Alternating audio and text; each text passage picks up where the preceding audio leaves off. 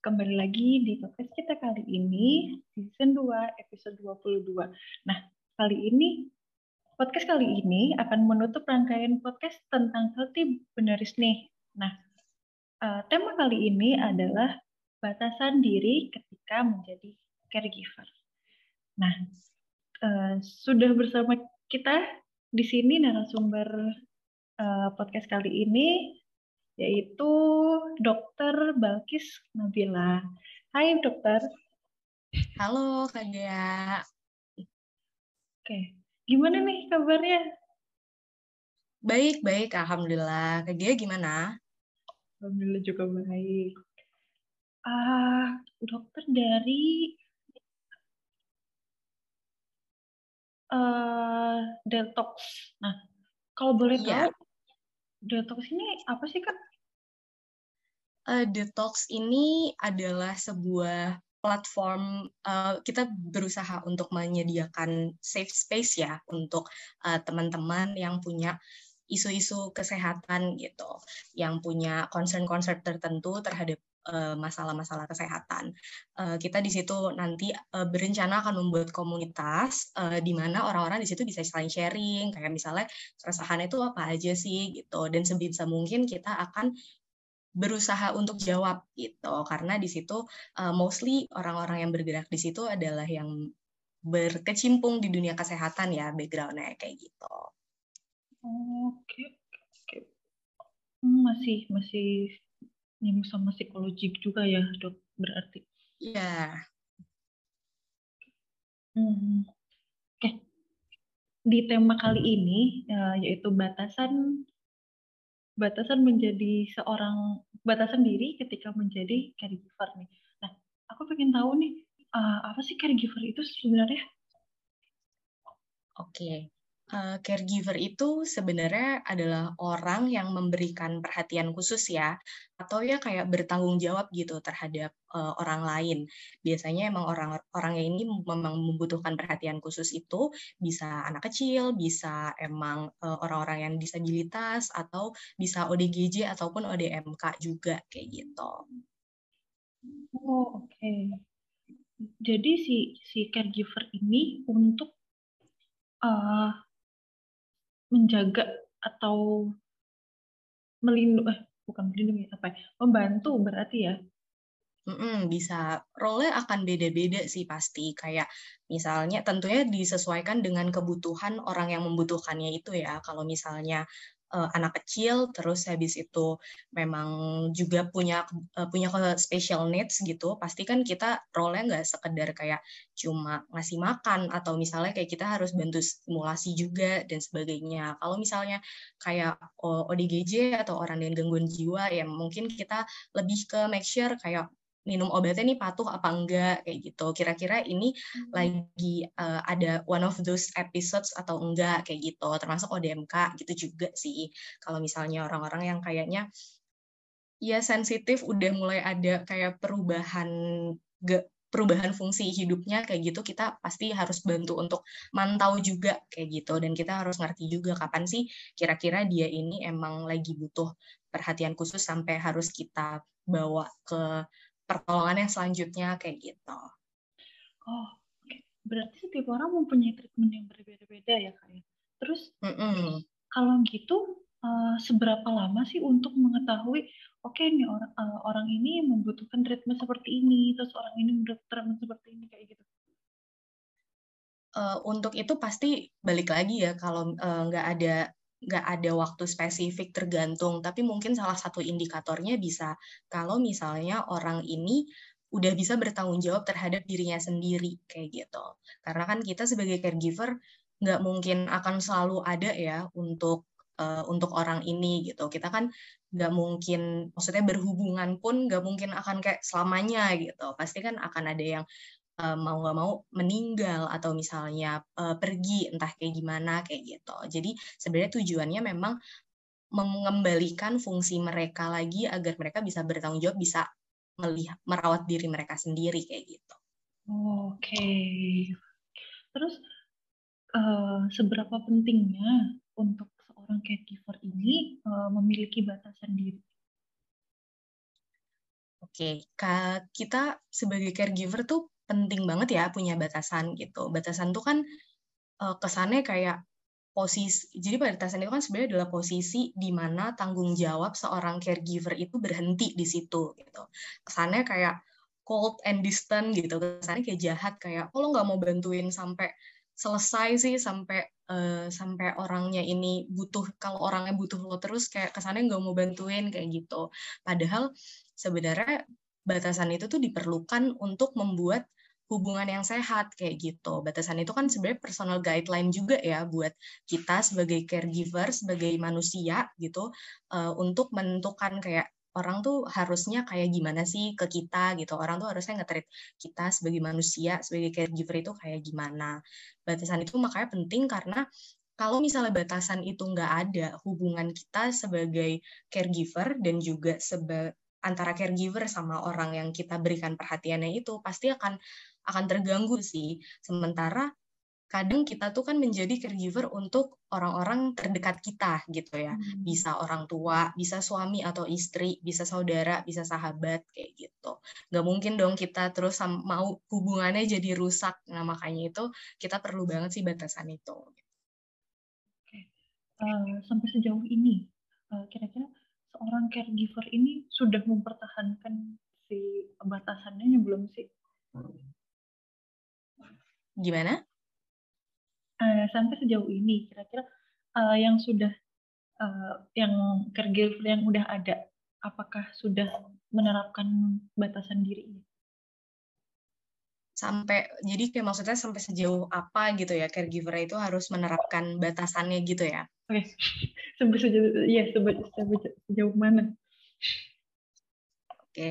jadi kayak Ya pastinya kalau misalnya kita sebagai caregiver, kita sebagai manusia itu udah ngerasa capek banget ya kalau udah sampai emotional exhausted, kita sampai ngerasa kayak nggak berguna, kayaknya kok kerjaan kita nih cuma ngerawatin ini orang doang sih, kita nggak bisa ngelakuin yang lain lagi kayak gitu. Atau kayak sampai kita juga nggak ngerasa dimanfaatin atau bahkan itu udah ngeganggu fungsi kita sehari-hari juga gitu ya. Kayak kadang kan ada ya beberapa kondisi di mana kita tuh bangun tidur itu tuh kayak kita aduh pagi udah udah senin udah harus kerja yang kayak gitu kan.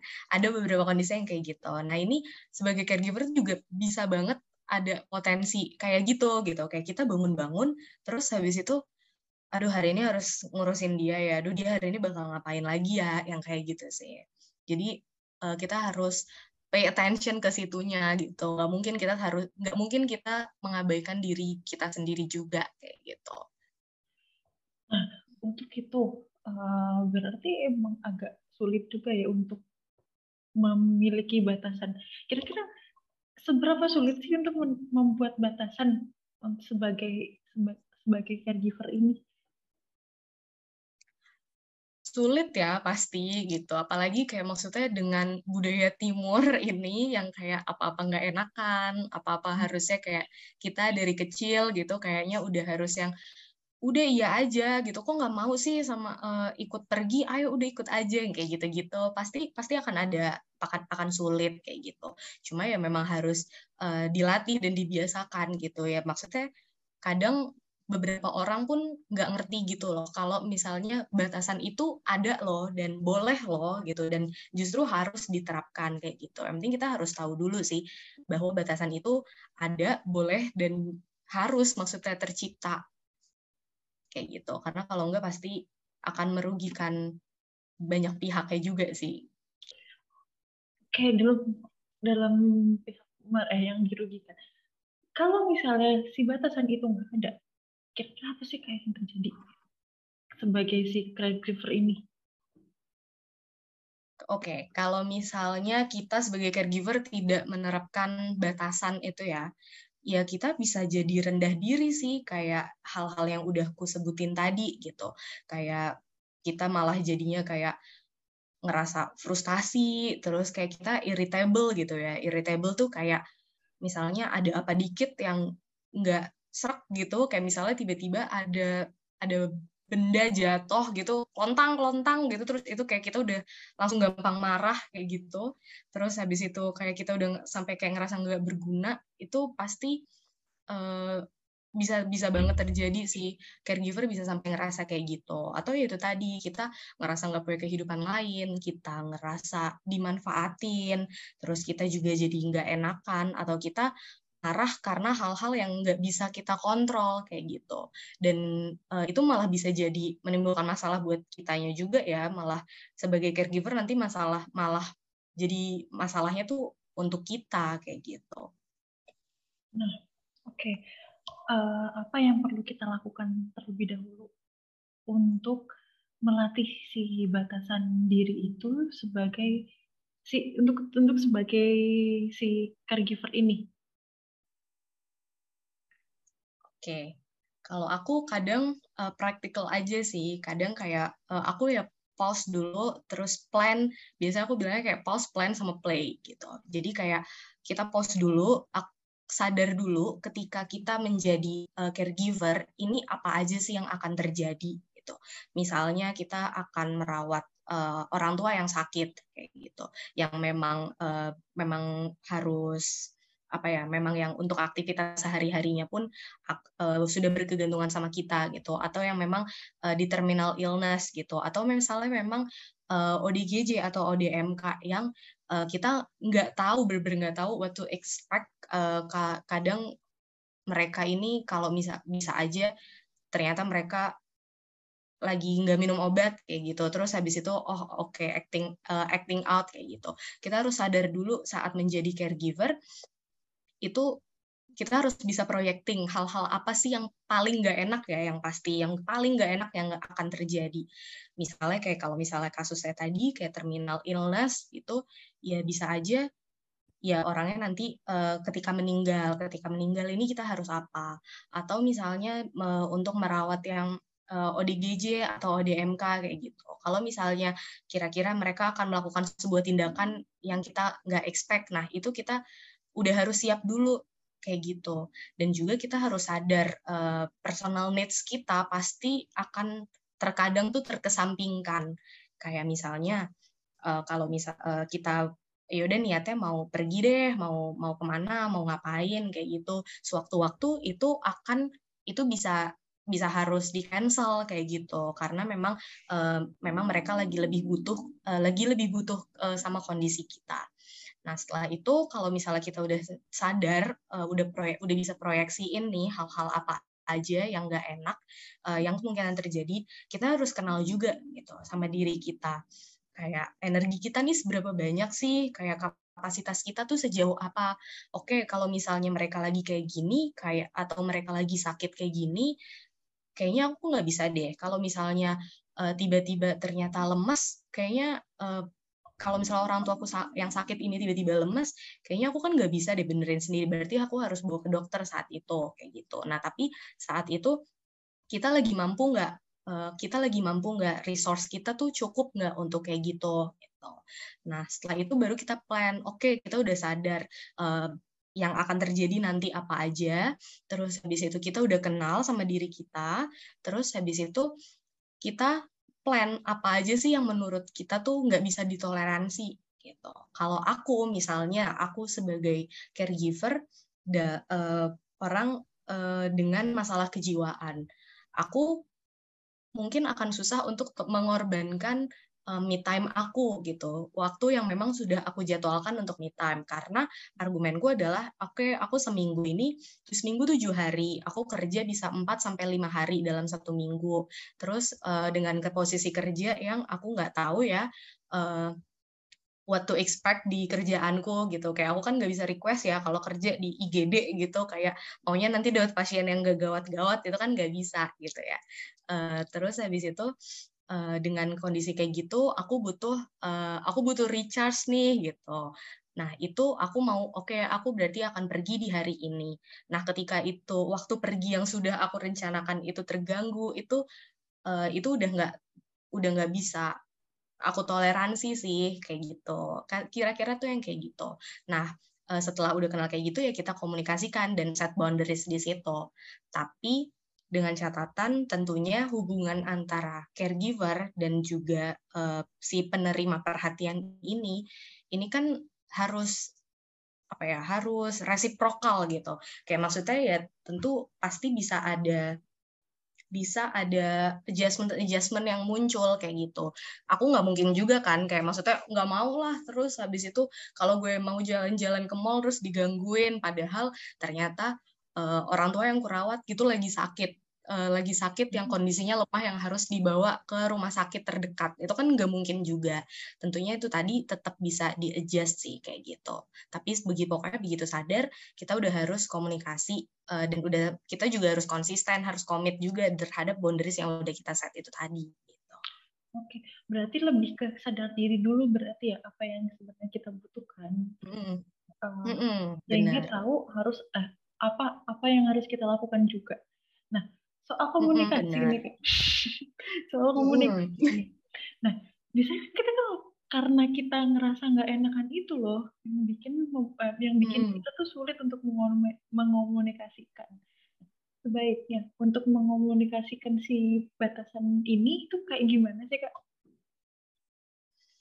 Oke, kalau aku sih biasanya aku pasti memilih untuk mengkomunikasikan itu secara langsung ya kalau bisa. Maksudnya nggak dengan chat gitu. Kayak maksudnya kalau chat itu sangat rawan ya terjadi kayak miskomunikasi. Kita kan kadang baca chat kok nih orang nadanya ngegas? Padahal sebenarnya orangnya ngetiknya biasa-biasa aja kayak gitu. Udah gitu dalam berkomunikasi kita fokus terhadap apa yang kita rasakan bukan terhadap uh, tingkah laku dari orang lain. Ini applicable juga di banyak hal ya. Maksudnya nggak saat kita menjadi caregiver aja gitu. Kayak misalnya uh, kita dalam kita misalnya punya pacar, kita punya teman kayak gitu. Uh, misalnya kita nggak suka terhadap suatu terhadap uh, perilaku mereka kayak gitu. Kita fokus terhadap diri kita. Caranya aku bilangnya aku ngerasa bla bla bla bla karena bla bla bla bla atau aku ngerasa bla bla bla bla kalau kamu bla bla bla bla kayak gitu. Jadi bukan kayak uh, bukan kayak kamu nih kamu nih nggak balas chat aku gitu. Kamu nih marah-marah mulu kamu sih nggak minum obat kayak gitu gitu nggak nggak kayak gitu ya tapi kayak uh, kita bisa bilang kayak aku ngerasa sedih loh kalau misalnya kamu nggak minum obat. Aku sedih juga ngelihat kamu kayak gitu. Aku sedih ngelihat uh, ngelihat kamu yang padahal kemarin udah maju progresnya kok sekarang kayak gini lagi kayaknya kamu capek yang kayak gitu-gitu. Jadi fokus ke apa yang kita rasa dulu uh, baru uh, apa yang kita rasa karena tindakan itu. Bukan kayak kita udah langsung pointing out orang lain karena mereka melakukan itu kayak gitu. Ah, lebih enak hmm. juga sih didengarnya jadi dan orang yang hmm. menerima pun jadi ngerasa oh, oke. Okay. Jadi nggak hmm. ngerasa disalahin juga ya kalau gitu. Ya. Hmm. Nah, oke. Okay. Kalau misalnya kita udah mempunyai si boundaries itu, lalu kita ingin menjaga boundaries itu, uh, sebaiknya seperti apa sih kak? Kan kadang ada misalnya uh, kita sudah orang-orang terdekat kita udah tahu nih boundaries kita apa. Terus tiba tiba-tiba ada orang baru masuk, mm-hmm. terus jadi kita harus mengomunikasikan lagi ya? Atau gimana caranya kita mempertahankan meskipun ada orang baru sekalipun? Berarti maksudnya kayak orang barunya ini memang uh, butuh kita gitu untuk menjadi caregiver. Ya.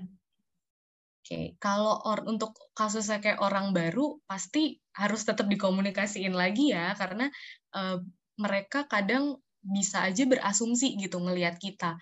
Oh, Gea nih kayaknya uh, ngerawat si ini gitu. Gea kayaknya perhatian banget nih sama si A. Kayaknya gue pengen deh kalau misalnya Gea kayak gitu ke gue. Itu kan asumsi dia terhadap apa yang kamu apa yang uh, dia lihat gitu ya terhadap hubungan kamu sama si A ini gitu. Dia kan gak mungkin 100% tahu apa yang terjadi. Itu kan sama aja kayak uh, para social relationship ya. Kayak maksudnya kayak hmm. kita ngelihat orang di media sosial tuh kayaknya kayak hidupnya enak banget sih nih kayak nggak ada susah-susahnya kayak gitu. Padahal kan kita sebenarnya tetap nggak akan pernah tahu dinamikanya tuh seperti apa. Dan belum tentu juga saat kita di hubungan itu tuh kita bisa cocok. Itu kan nggak nggak tentu juga kayak gitu. Jadi pastinya emang melelahkan mengkomunikasikan boundaries itu melelahkan. Menjaga komitmen untuk tetap punya boundaries itu juga melelahkan. Tapi ya itu tadi sih itu memang kuncinya adalah di konsistensi. Kadang uh, bisa juga kita sebagai apa ya sebagai caregiver gitu kayak ada juga nih orang yang punya cenderung untuk kayak messiah syndrome gitu atau superhero kompleks gitu kan kayak yang aduh kayaknya pengen duh pengen gue tolongin aja deh semua orang gitu kan. Tapi ya nggak bisa juga kita kan nggak bisa terus kayak gitu. Dan pada akhirnya kan memang tujuan kita menjadi caregiver itu uh, untuk melatih orang itu agar bisa bertanggung jawab terhadap dirinya sendiri lagi juga kan. Gitu sih. Jadi memang boundaries boundaries akan harus selalu dikomunikasikan dan untuk menjaganya pun butuh komitmen. Nah oke. okay tadi uh, menyinggung soal pengen pengen ngerasa ada rasa pengen ngebantu semua orang gitu ya. Mm-hmm. Nah, kira-kira apa sih kak godaan godaan untuk kita itu untuk tetap men eh, sebagai caregiver untuk tetap menerapkan si boundaries eh si batasan diri itu? Hmm, salah satunya ya itu ya gitu. Kadang kan kita kalau biasanya nih misalnya menjadi caregiver terus pasti kan akan ada naiknya ya prosesnya. Kayak misalnya eh dia ada progres nih kayak kita ikutan seneng gitu. Kadang kan kita ikut seneng terhadap uh, terhadap oh iya dia kemarin kayak eh, nggak uh, mau nggak mau minum obat sama sekali kayak gitu. Harus benar-benar dipaksa-paksa. Hari ini dia udah mulai ada kesadaran kayak gitu. Terus habis itu uh, begitu mereka begitu mereka ternyata sering melakukan itu lagi mereka sering melakukan itu lagi kita tuh bawaannya tuh kayak aduh gimana sih rasa harus harus ini harus kayak gitu harus harus biar mereka tuh bisa minum bisa minum obat terus biar bisa mereka bisa konsisten untuk apa untuk olahraga biar mereka pikirannya eh, nggak uh, semrawut atau misalnya mereka biar bisa lebih baik lagi nggak nggak kebanyak uh, nggak kebanyakan uh, merenung merenung aja yang kayak gitu. Pastinya tuh kayak gitu ya. Ya kan tapi tentunya itu bisa dicegah sih maksudnya dengan pengenalan yang baik ya terhadap diri kita sendiri kayak ya kita harus sadar juga gitu kadang kalau misalnya kita punya tendensi untuk kayak untuk ngelakuin itu. Atau misalnya uh, kayak emang orang yang kita rawat ini kayak gimana sih mereka polanya kayak gimana? Kan ada juga ya kadang mereka yang uh, ya mereka mereka tiba-tiba melakukan sesuatu itu ya karena kayak gini. Padahal udah kita kasih tahu. Ya itu kan berarti sebenarnya bentuk mereka tidak bertanggung jawab terhadap dirinya yang sebenarnya udah kita kasih tahu berulang-ulang kayak gitu. Ya pasti akan harus dicoba cara yang lain kayak gitu sih. Jadi ya pasti godaan-godaannya kadang muncul dari diri kita sendiri juga ya gitu. Uh, karena ngerasa ya lagi-lagi karena ngerasa nggak enak itu dan pengen uh, jiwa hmm. hero nya lebih gede iya bisa banget kayak gitu oke okay. uh, eh, tadi udah godaan terus berarti eh, nggak uh, jauh beda dengan orang-orang biasa mungkin yang bukan sebagai caregiver itu ya kak untuk menjadi, uh, memiliki si batasan ini nah mm -mm. Mm -mm, benar uh, ini general sih oke okay kalau misalnya uh, sebagai caregiver ini berarti bisa merasa burnout-nya kayak uh, bahkan bahkan dia kan sedang misalnya kan sedang menjaga orang yang uh, eh, ODGJ.